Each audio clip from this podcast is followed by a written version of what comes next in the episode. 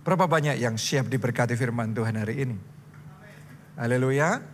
Saya berdoa firman Tuhan hari ini bukan sekedar jadi khotbah sambil lalu, tapi doa saya sesuatu terjadi di dalam kehidupan saudara. Amin. Judul firman Tuhan yang saya mau bagikan pada hari ini adalah Fly High. Terbang tinggi. Karena saya percaya saudara semua yang ada di tempat ini adalah raja wali raja walinya Tuhan. Yang dalam hidup ini ditakdirkan untuk terbang tinggi bersama dengan Yesus. Amin. Nah, yang namanya terbang tinggi itu beda ya sama terbang pendek. Burung kalau disangkar bisa terbang, tapi terbatas. Kalau dilepas dari sangkarnya, terbangnya tanpa batas. Jadi saya berdoa semua batasan-batasan yang selama ini menghambat, menghalangi, membatasi saudara, hari ini dilepas. Mulai hari ini doa saya, Anda terbang tinggi. Dalam karirmu terbang tinggi. Dalam pekerjaanmu terbang tinggi. Dalam pelayananmu terbang tinggi. Kalau tepuk tangan jangan separuh-separuh buat Tuhan kita yang mantap. Haleluya. Yesaya 40 ayatnya yang ke-31. Tetapi orang-orang yang menanti-nantikan Tuhan mendapat kekuatan baru. Saya percaya sementara Anda mendengarkan firman Tuhan saat ini, itu salah satu bentuk Anda menantikan Tuhan. Dan sementara engkau mendengarkan firman dan menantikan Tuhan, doa saya kekuatan yang baru terimalah, urapan yang baru terimalah. Amin. Kalau Anda dapat kekuatan baru itu, apa yang terjadi? Ditulis begini, mereka, mereka siapa? Gak ada seorang pun. Mereka siapa? Di tempat ini mereka siapa? Saya. Seumpama Raja Wali yang naik terbang. Mulai sekarang naik terbang. Gak tetap di bawah. Gak tetap di, di tanah. Mulai hari ini take off mulai hari naik terbang dengan kekuatan sayapnya. Mereka berlari dan tidak menjadi lesu. Mereka berjalan dan tidak menjadi lelah. Sementara kekuatan baru Anda terima yang daripada Tuhan. Kelesuanmu dilenyapkan, kelelahanmu disingkirkan, kekuatan diimpartasikan, ditambahkan dalam hidup saudara, kekuatan terbang tinggi. Tepuk tangannya yang paling meriah dan sementara Anda meresponi firman Tuhan ini, kuasanya mengalir lebih deras lagi dalam hidup saudara. Amin. Jadi tangkap itu janji Tuhan. Karena saya percaya dengan tangannya yang kuat, dia sedang menopang hidup saudara. Untuk Anda naik. Anda yang selama ini turun, mulai hari ini saya nubuatkan penurunan itu berhenti. Penurunan dalam kesehatan itu berhenti Penurunan di dalam stamina itu berhenti. Penurunan secara keuangan dan omset saudara berhenti. Mulai hari ini tidak turun lagi. Mulai sekarang tetap naik, tidak turun, terbang tinggi. Tepuk tangannya yang lebih meriah lagi buat Tuhan kita. Ulangan 28 ayat 12 sampai ayat 13. Tolong baca ayat ini sebagai sebuah nubuatan yang Anda alami, yang akan Anda alami secara pribadi di dalam kehidupan saudara. Tuhan akan membuka bagimu. Siapamu di tempat ini? Tuhan akan membuka bagimu perbendaharaannya ya melimpah ibaratnya kalau saudara dibukain brankasnya Tuhan dibukain depositonya Tuhan, rekeningnya Tuhan. Itu itu literally yang dicatat dalam dalam ayat ini. Dan doa saya Tuhan bukakan itu bukan buat orang lain, tapi bagimu. Bagimu anak-anak Tuhan yang percaya hari ini sementara engkau menerima firman Tuhan, Tuhan akan membukakan bagimu Perbendaraannya yang melimpah. Yang melimpah. Yakni langit untuk memberi hujan bagi tanahmu pada masanya dan memberkati segala pekerjaanmu. Di masa itu pekerjaan orang itu bertani. Jadi kalau dikasih hujan artinya dikasih berkat. Sehingga hasilnya melimpah. Mulai hari itu yang akan terjadi dalam hidup saudara ada hujan berkat, ada hujan anugerah atas pekerjaan saudara, sehingga pekerjaan yang sama yang tadinya hasilnya terbatas, mulai hari ini hasilnya melimpah. Katakan amin, amin. Kita kasih tepuk tangannya lebih meriah lagi buat Tuhan gitu. Nah yang berikutnya ini mungkin Anda nggak percaya, tetapi saya tahu ada seseorang di tempat ini literally akan mengalami janji Tuhan ini dalam kehidupan saudara. Dan doa saya orang itu saudara. Oke, ditulis begini, sehingga engkau memberi pinjaman kepada banyak bangsa, tetapi engkau sendiri tidak meminta pinjaman. Mulai hari ini semua belenggu hutangmu, hutang keluargamu lunas.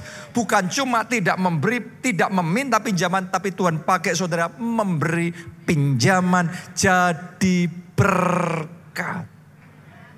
Sehebat itu loh kalau Tuhan membukakan berangkasnya sama saudara. Perbendaraannya sama kita. Perbendarannya yang melimpah itu.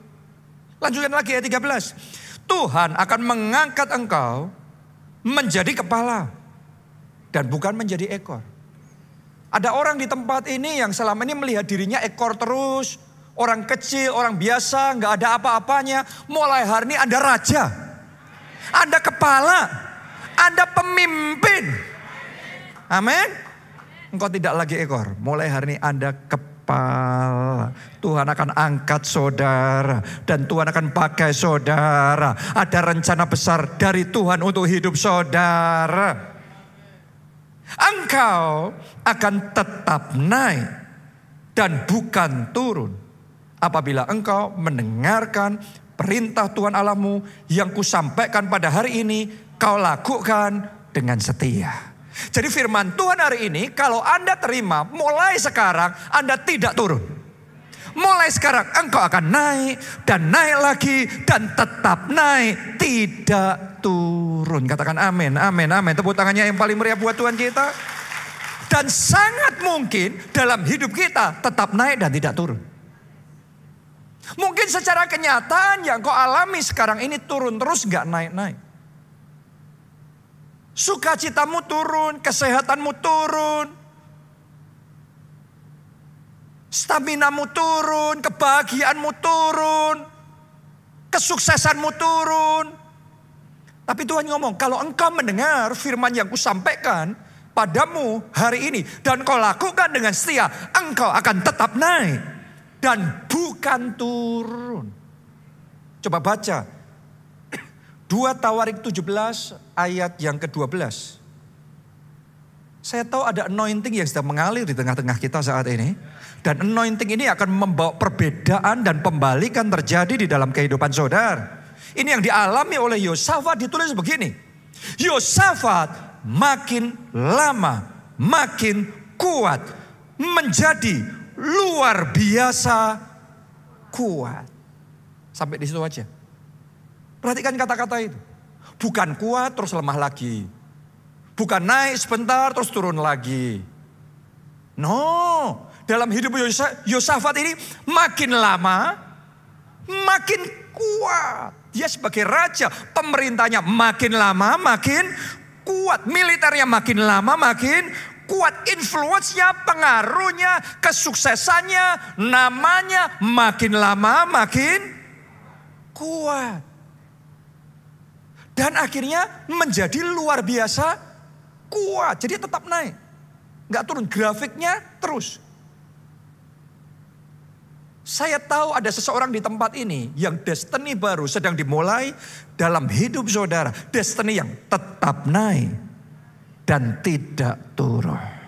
Dan ini mungkin terjadi bukan cuma Yosafat. Kalau Anda perhatikan Isa pun juga mengalami hal yang sama. Alkitab mencatat, maka menaburlah Isa. Tahun itu juga ia mendapat hasil seratus kali lipat. Sebab ia diberkati oleh Tuhan.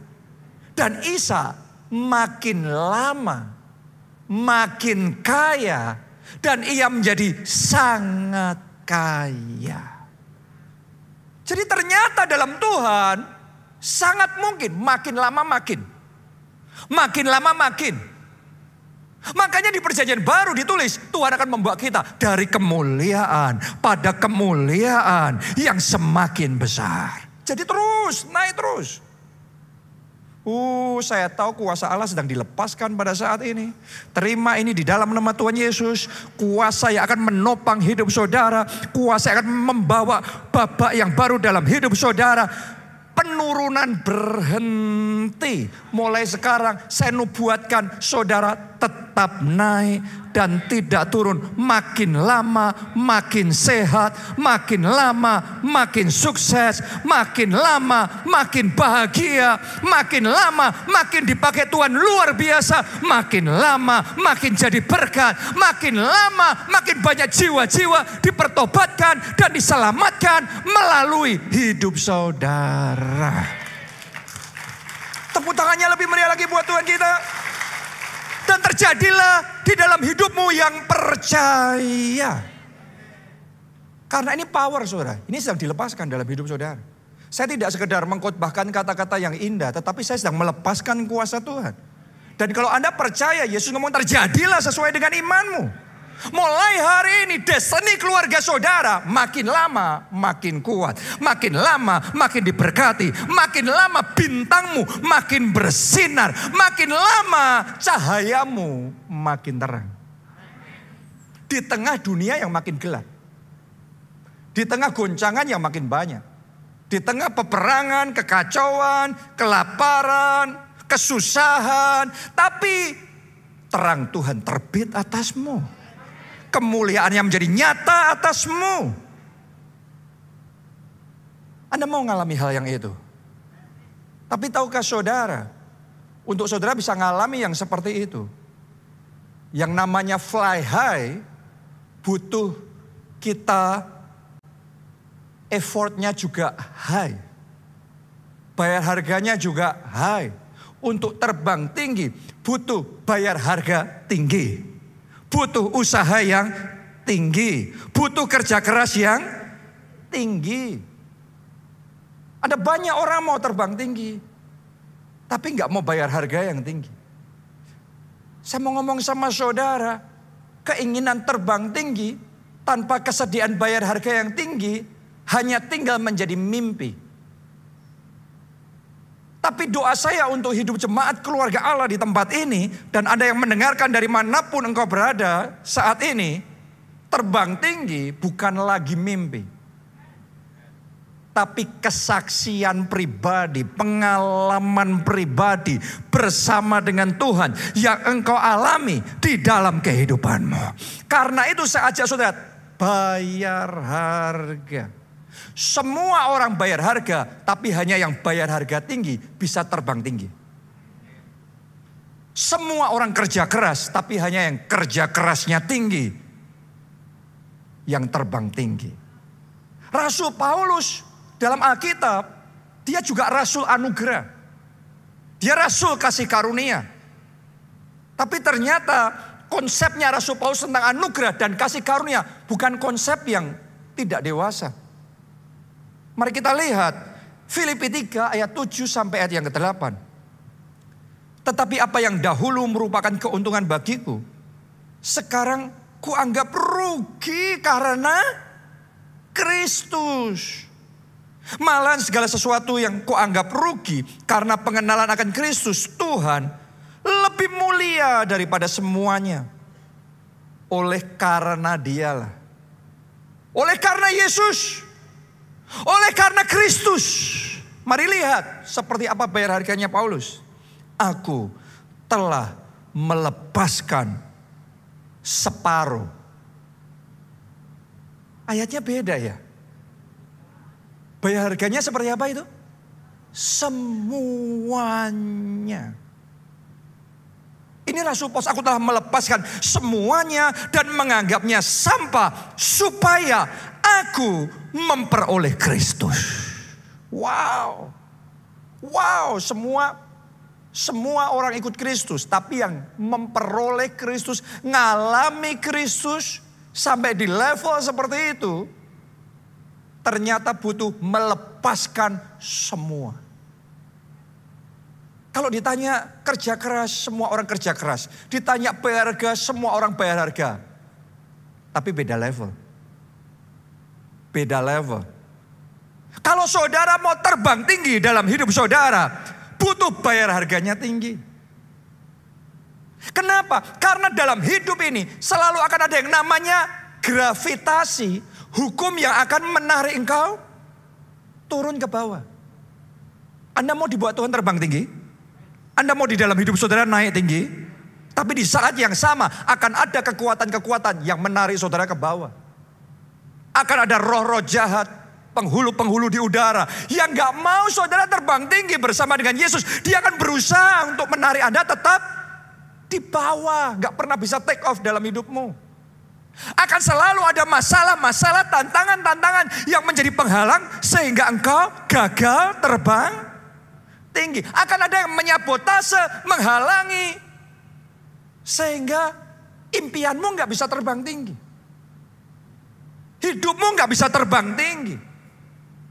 Itu sebabnya butuh bayar harga tinggi. Coba Anda perhatikan pesawat. Pesawat, kalau kita mau naik pesawat, pasti saudara maunya pesawatmu take off dong. Benar nggak? Lepas landas, terbang tinggi. Tapi untuk pesawat terbang tinggi, butuh bayar harganya tinggi. Butuh power yang tinggi. Butuh speed yang tinggi. Dan ketika dia mengerahkan tenaga, mengerahkan kekuatan, mengerahkan speed, mulai jalan, apakah langsung bisa dia terbang tinggi? No.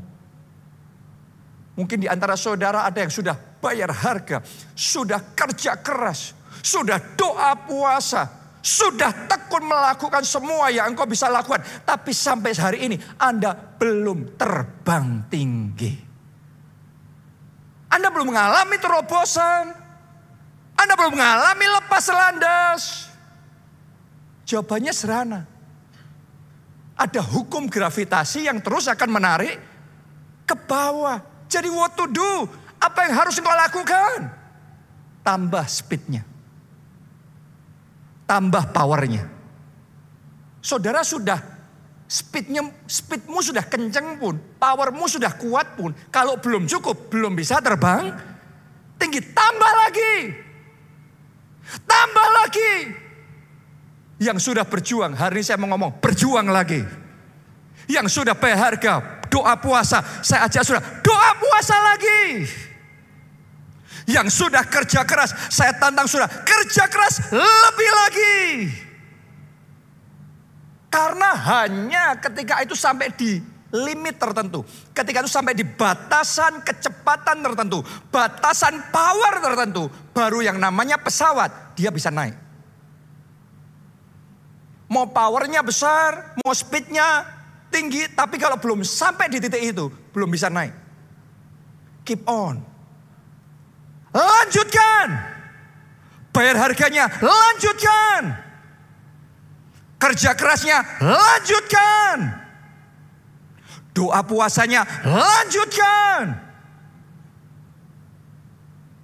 Sampai di titik tertentu, Anda akan mulai terbang tinggi.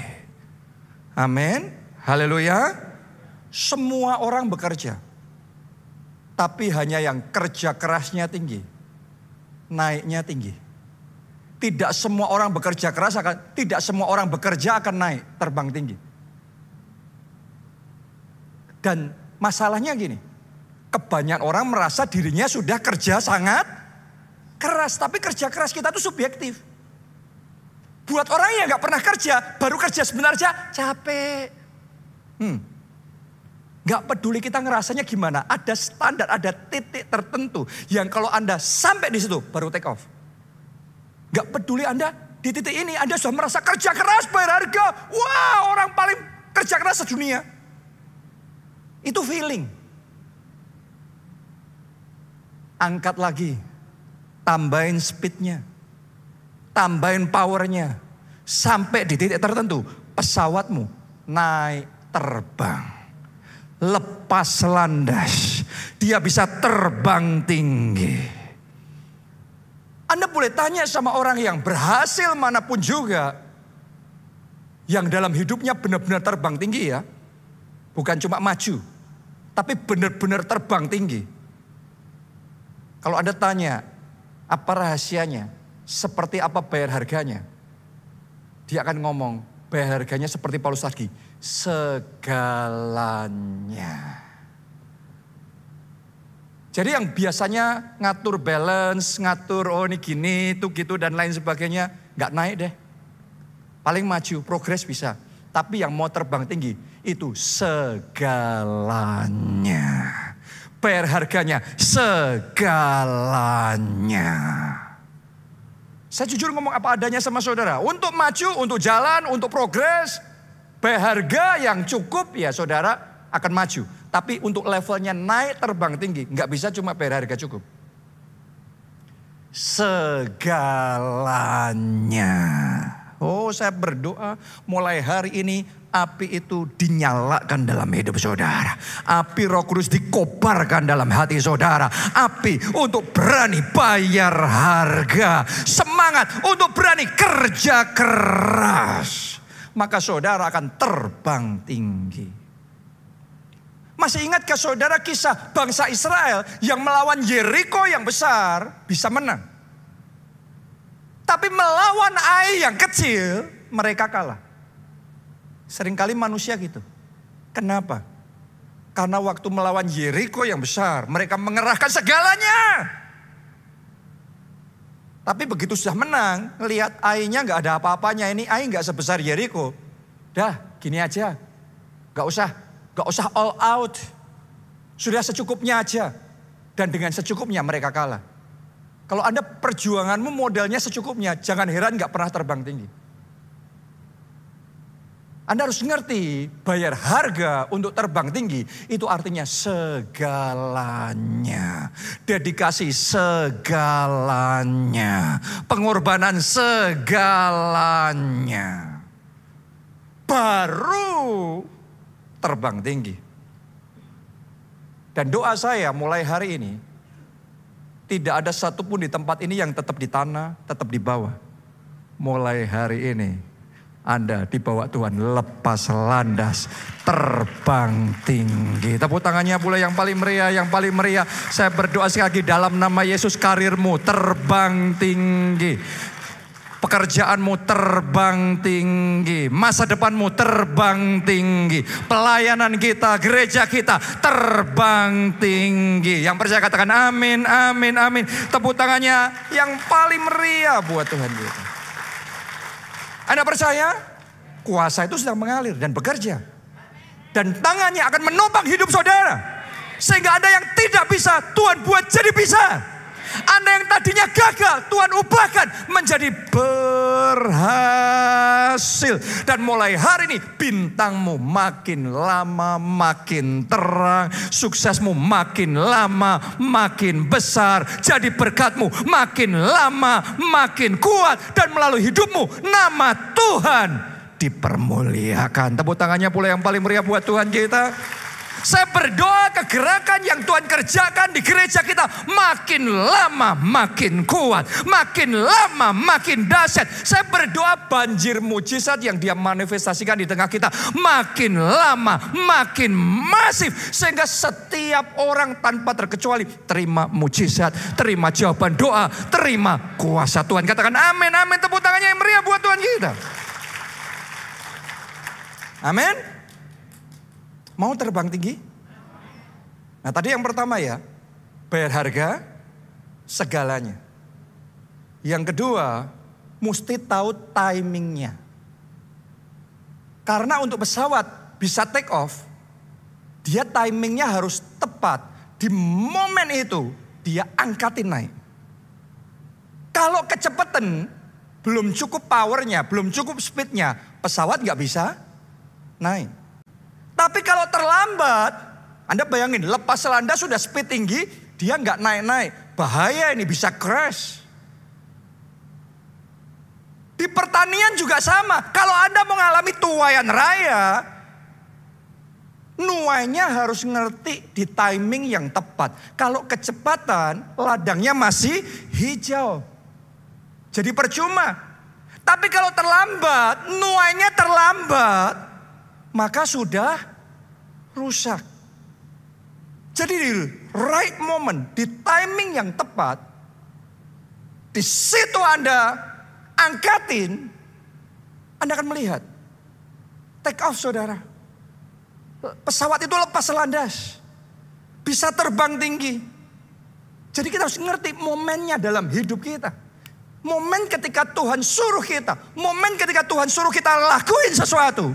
Di momennya Tuhan melangkah. Engkau melihat bagaimana kemuliaannya dinyatakan dalam kehidupanmu. Masih ingat kisah kolam Bethesda? Alkitab mencatat sewaktu-waktu malaikat turun datang menggoncangkan air itu dan ketika itu terjadi orang pertama yang turun ke situ akan sembuh apa pun juga sakit penyakitnya. Di momen ketika kolam itu airnya digoncangkan, itu momennya bertindak. Kalau kecepatan, kolamnya sama, nggak ada nggak ada mujizat. Kalau keduluan orang lain, Anda terlambat, nyemplung di situ, kesembuhan juga tidak terjadi di momen yang tepat. Engkau melangkah di situ, Anda akan melihat sesuatu yang besar terjadi. Itu kayak akan jadi momennya ada boom dalam hidupmu tuh dalam hidup setiap orang yang terus terus terus gitu ya. Begitu di momennya tiba, tepat itu kayak Tuhan bawa saudara naik, peng. Tadinya engkau sudah kerja keras, engkau bayar harga, kayaknya semua kerja keras bayar harga segalanya pun nggak cukup. Tapi keep on, jalan terus. Nanti akan terbuka momennya. Itu kayak pemain sepak bola, main terus, main terus, kejar bola itu, Berusaha terus, berusaha terus. Sampai di titik tertentu peluang emas terbuka. Anda tendang itu. Gol. Kemenangan terjadi. Amin. Jadi harus fight. Tapi ngerti kapan peluang emasnya. Kapan timingnya. Kapan kairosnya Tuhan. Nah banyak orang tanpa sadar itu melewatkan momennya Tuhan. Sehingga nggak bisa terbang. Nggak bisa naik tinggi di dalam kehidupannya. Dan sering kali yang saya perhatikan penyebabnya melewatkan momen Tuhan adalah kebimbangan. Keraguan-raguan. Kita baca seyuka Yakobus 1 ayat 6 sampai 7. Hendaklah ia memintanya dalam iman dan sama sekali jangan bimbang. Semuanya katakan sama sekali jangan bimbang. Oh lebih kuat dari itu saudara bisa katakan dua tiga sama sekali jangan bimbang. Jadi ada yang sebagian di gereja amin, di rumah aman. Tapi firman Tuhan ngomong sama sekali jangan bimbang. Percaya sembuh? Saya ulangi lagi. Karena aminnya masih nimbang di hati nih, sembuh nggak ya? Ini kanker, ini ini dokter ngomong gini nih. Realitanya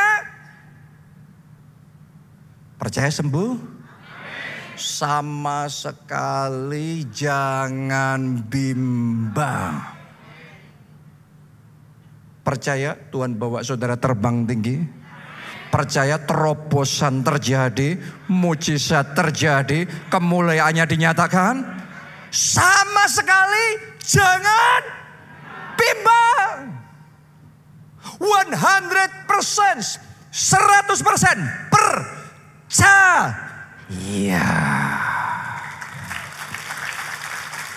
That is how you walk with God. Itu cara saudara berjalan bersama dengan Tuhan. Sama sekali jangan bimbang. Percaya suamimu bisa dikembalikan oleh Tuhan. Percaya keluargamu bisa dipulihkan oleh Tuhan. Percaya ada jawaban doa yang spesial buat hidup saudara? Hmm, sama sekali jangan bimbang. Sebab orang yang bimbang sama dengan gelombang laut yang diombang-ambingkan kian kemari oleh angin. Dalam hidup ini ada banyak angin yang mengombang-ambingkan. Iblis akan mengombang-ambingkan hati saudara, perkataan manusia akan mengombang-ambingkan hati saudara, situasi kondisi akan berusaha mengombang-ambingkan keadaan saudara. Kalau Anda biarkan terjadi, engkau akan terombang-ambing. Makanya firman Tuhan berkata sama sekali jangan bimbang. Ayat 7, orang yang bimbang, orang yang demikian janganlah mengira bahwa ia akan menerima sesuatu dari Tuhan. Banyak orang tidak bisa menerima sesuatu. Banyak orang tidak bisa makin lama makin kuat. Banyak orang tidak bisa tetap naik dan tidak turun. Kenapa? Karena di saat keadaan baik kita percaya. Di saat keadaan kau nggak baik kita mulai ragu orang yang demikian. Jangan harap memperoleh sesuatu dari Tuhan. Saya berdoa mulai hari ini. Tidak ada lagi tempat secuil pun dalam hatimu untuk yang namanya kebimbangan. Jangan kasih tempat, jangan kasih kesempatan. 100% take your stand in faith. Ambil stand saudara di dalam iman untuk tetap percaya. Aku sembuh oleh bilur-bilur Kristus. Aku sembuh. Bersama Yesus aku pemenang. Bahkan lebih dari pemenang.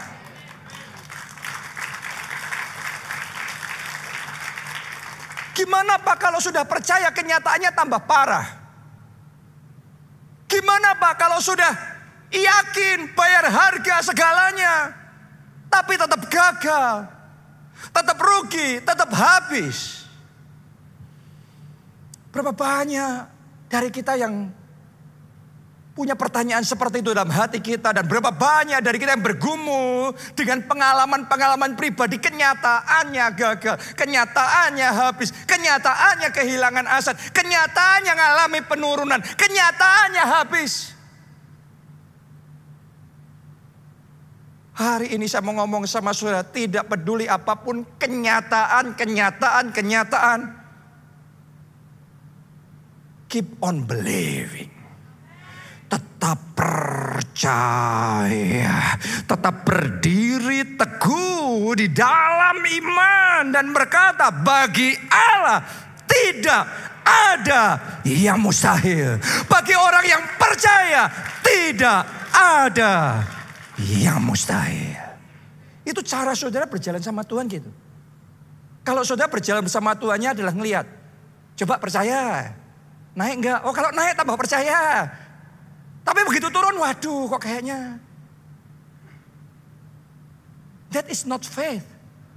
Itu bukan iman. Iman itu mau naik, mau turun, aku tetap percaya, aku tetap naik, dan tidak turun. Kalau percaya jatuh pun gimana? Jatuh bangkit lagi, maju lagi. Bangkit lagi, maju lagi. Semuanya katakan bangkit lagi. Oh lebih kuat dari hati saudara katakan bangkit lagi. Semuanya katakan maju lagi. Lebih kuat katakan bangkit lagi. Maju lagi. Tepuk tangannya pula yang paling meriah buat Tuhan kita. Penyebab orang ragu dan bimbang karena sering kali terlalu banyak pertimbangan. Pengkhotbah 11 ayat yang keempat. Siapa senantiasa memperhatikan angin, tidak akan menabur. Dan siapa senantiasa melihat awan, tidak akan menuai. Banyak orang tidak pernah menabur. Karena ini, karena itu pertimbangannya ini gimana? Mau, mau memulai sesuatu lagi pandemi. Nunggu pandemi selesai dulu. Pandemi mau selesai, mulai perang Rusia Ukraina.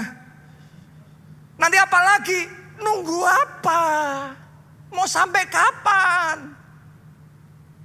Banyak orang nggak bisa ngalami breakthrough terobosan karena nunggu dan nunggu terlalu banyak pertimbangan akhirnya ketinggalan kereta.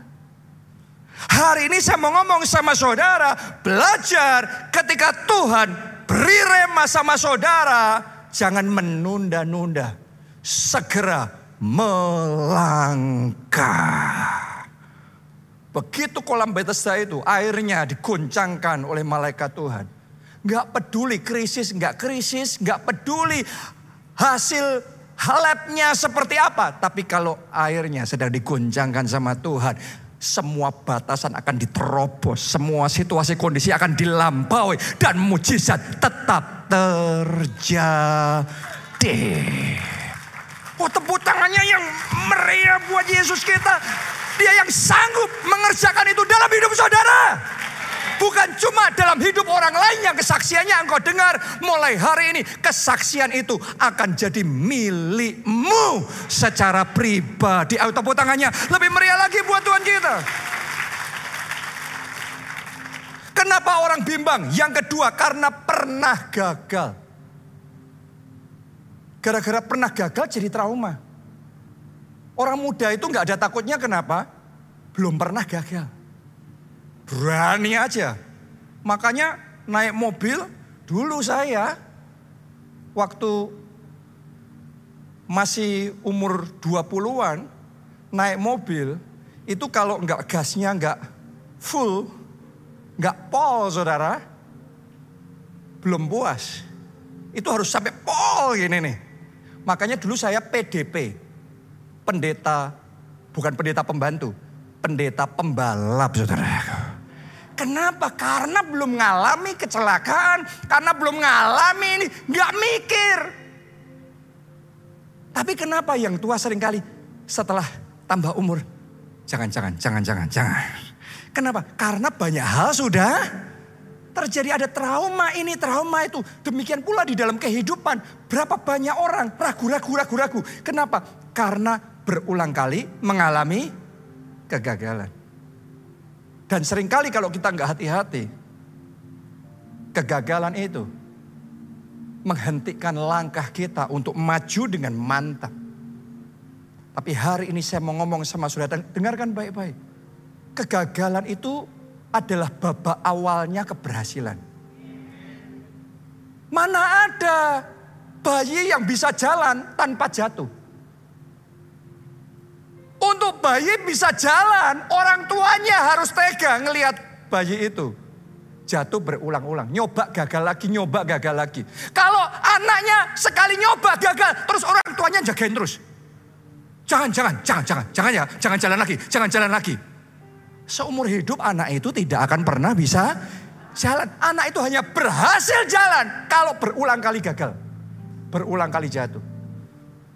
Pesawat terbang itu bisa naik karena Wright bersaudara, dia gagal berulang-ulang menciptakan pesawat. Tapi terus menerus tidak mengizinkan trauma, menghentikan langkahnya. Coba lagi, coba lagi. Akhirnya kegagalan berubah jadi keberhasilan.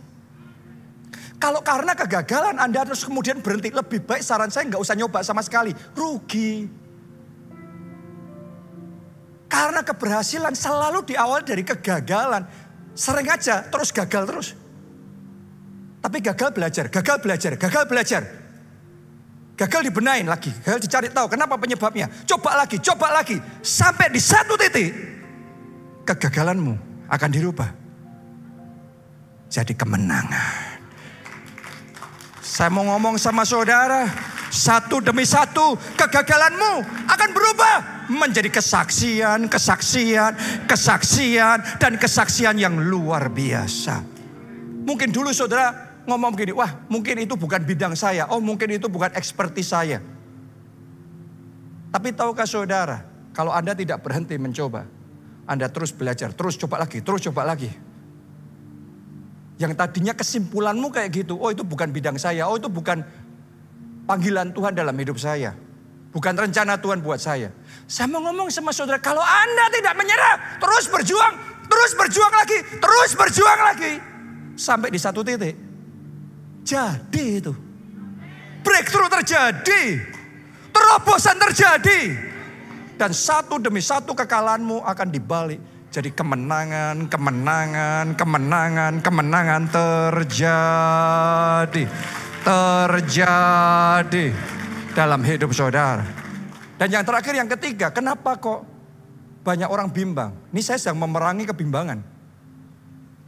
Karena mendengarkan orang yang tidak menangkap visi yang sama yang Tuhan kasih. Orang itu boleh baik hati, keluarga saudara sendiri. Tapi kalau dia belum nangkep visi yang dari Tuhan, untuk hidup saudara, nasihatnya bisa keliru. Maksudnya baik, mengasihi, tidak semua orang yang mengasihi saudara, nasihatnya akurat buat saudara. Anda harus bisa membedakan, orang ini mengasihi, tapi belum tentu perkataannya akurat. Kenapa? Belum tentu Tuhan kasih visi yang sama sama dia. Waktu Tuhan kasih visi sama Nuh untuk membangun bahtera. Waktu itu gak ada yang namanya hujan. Apalagi banjir. Kok disuruh bangun bahtera? Apa-apaan? Kalau dia konsultasi sama orang lain. Orang lain ngomong, kamu gila apa? Bener nggak? Dan kalau dia dengarkan manusia, habislah dia dan keluarganya. Dia hanya selamat karena dia belajar mendengarkan perkataan Tuhan. Saya mau ngomong sama saudara, saya, saya sendiri dalam hidup saya berulang kali, saya dalam situasi yang orang lain ngomong jangan, gak mungkin, susah. Tapi selama saya yakin di hati saya Tuhan yang suruh, saya tetap jalan. Dan saya melihat kemuliaan Tuhan. Saya masih ingat saudaraku, waktu umur 20 tahun, Pertama kali saya jadi pendeta. Jadi gembala sidang, bukan cuma pendeta, gembala sidang. Umur 20 tahun. Waktu itu mungkin saya gembala sidang termuda se-Indonesia. Ketika orang dengar, orang ngomong sama Pak Obaja, orang ngomong sama jemaat. Gak mungkin bisa, terlalu muda, belum waktunya, mana bisa. Pendeta-pendeta di Jogja yang lain, karena saya merintis gereja di Jogja, ngomong sama jemaat kita, kok bodoh amat kamu? Kamu umur 50 mau digembalain anak kecil umur 20 tahun, mana bisa? Kalau saya buka telinga dengerin omongnya pendeta-pendeta itu, saya terima. Mereka nggak ngerti yang Tuhan suruh saya lakukan. Saya dengerin omongannya orang yang baik, yang diurapi pendeta, hamba Tuhan lagi. Tapi nggak nangkep remanya hari ini saya nggak jadi sebagaimana saya ada. Di waktu itu nggak mungkin kayaknya. Terlalu mudah secara manusia. Saya masih ingat saya ke toko buku. Toko buku Kristen pada waktu itu biasanya ada potongan diskon khusus untuk pendeta. Jadi saya karena suka baca buku, saya ke toko buku dan saya tanya. Saya minta di diskon dong. Mbaknya yang jaga ngomong, ini khusus untuk pendeta. Saya pendeta mbak. Mbaknya jawab, ah masa. Nggak meyakinkan tampang pendetanya saudara. Jemaat kita yang lain ketika pergi nginjil sama saya. Dia sudah senior. Saya masih umur 20 tahun, dia sudah umur 55 atau 60 tahun. 60 tahunan. Ngunjungin rumah, besuk Orang doain orang sakit. Caranya dia memperkenalkan saya sama teman-temannya. Ini pendetaku. Masih sekia. Saudara tahu sekia? Bocil. Tapi diurapi Tuhan katanya saudaraku. saya mau ngomong begini sama saudara, kalau pada waktu itu saya memilih mendengarkan perkataan manusia, saya nggak jadi ya hari ini saya ada. Saya harus belajar tutup telinga. Dan hanya mendengarkan perkataan Tuhan nomor satu. Dan yang kedua perkataan orang-orang yang mengangkat visi kita. Ada orang-orang itu seperti kayak Elizabeth. Masih ingat gak saudara kisah Maria ketika dia terima pesan akan hamil dari roh kudus. Terus Alkitab mencatat Maria pergi ke Elizabeth sepupunya. Dan ketika ketemu sama Elizabeth sesuatu terjadi. Melonjakkah bayi dalam rahimnya. Saya mau ngomong sama saudara, Anda butuh ketemu sama orang-orang yang ketika Anda ngomong bukannya memadamkan visi saudara, tapi mengobarkan visi saudara, membesarkan hati saudara, menguatkan iman saudara untuk bangkit dan berjuang. Anda akan melihat terobosan besar terjadi. Tepuk tangannya boleh yang paling meriah buat Tuhan kita. Mari bangkit berdiri, bangkit berdiri. Kalau Anda mau terbang tinggi, nomor satu butuh Yesus sebagai Tuhan dan Juru Selamatmu. Karena dia sumber segalanya. Jadi buat saudara yang belum pernah terima Yesus sebagai Tuhan dan Juru Selamatmu. Buka hati, undang dia. Maka engkau akan menerima pengampunan dosa. Dan hidup yang kekal bersama dengan Yesus. Yang mau angkat dua tangan dan ikuti doa ini. Katakan Tuhan Yesus. Masuklah dalam hatiku. Jadi Tuhan dan Juru Selamatku. Ampuni dosa-dosaku. Selamatkan aku ya Tuhan. Mulai sekarang hidupku milik Tuhan Yesus. Aku mau ikut Yesus, melayani Yesus, jadi saksi Kristus, bawa jiwa bagi Yesus untuk kemuliaan nama Tuhan. Terima kasih Tuhan. Yang kedua saya mau berdoa sekarang buat setiap jemaat di tempat ini. Saudara yang mau dibawa Tuhan terbang tinggi. Anda yang mau itu angkat dua tangan saudara. Yang bisa bahasa roh. Mari angkat suara berdoa dalam bahasa roh. Yang belum saudara doa dalam bahasa Indonesia. Tuhan berikan anugerah supaya kami bisa terbang tinggi.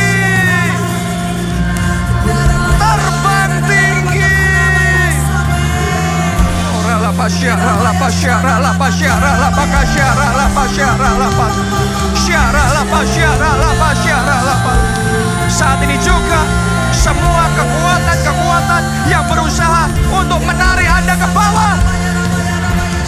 Menarik saudara turun ke bawah. Jatuh ke tanah.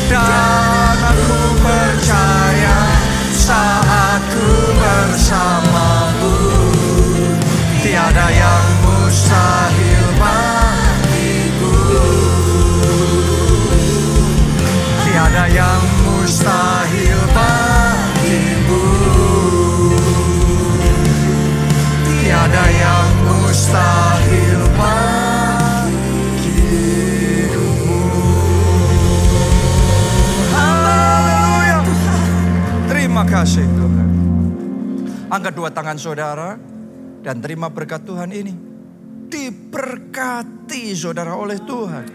Diberkati keluargamu oleh Tuhan. Diberkati studi dan pekerjaan saudara oleh Tuhan. Diberkati kesehatan dan masa depanmu oleh Tuhan.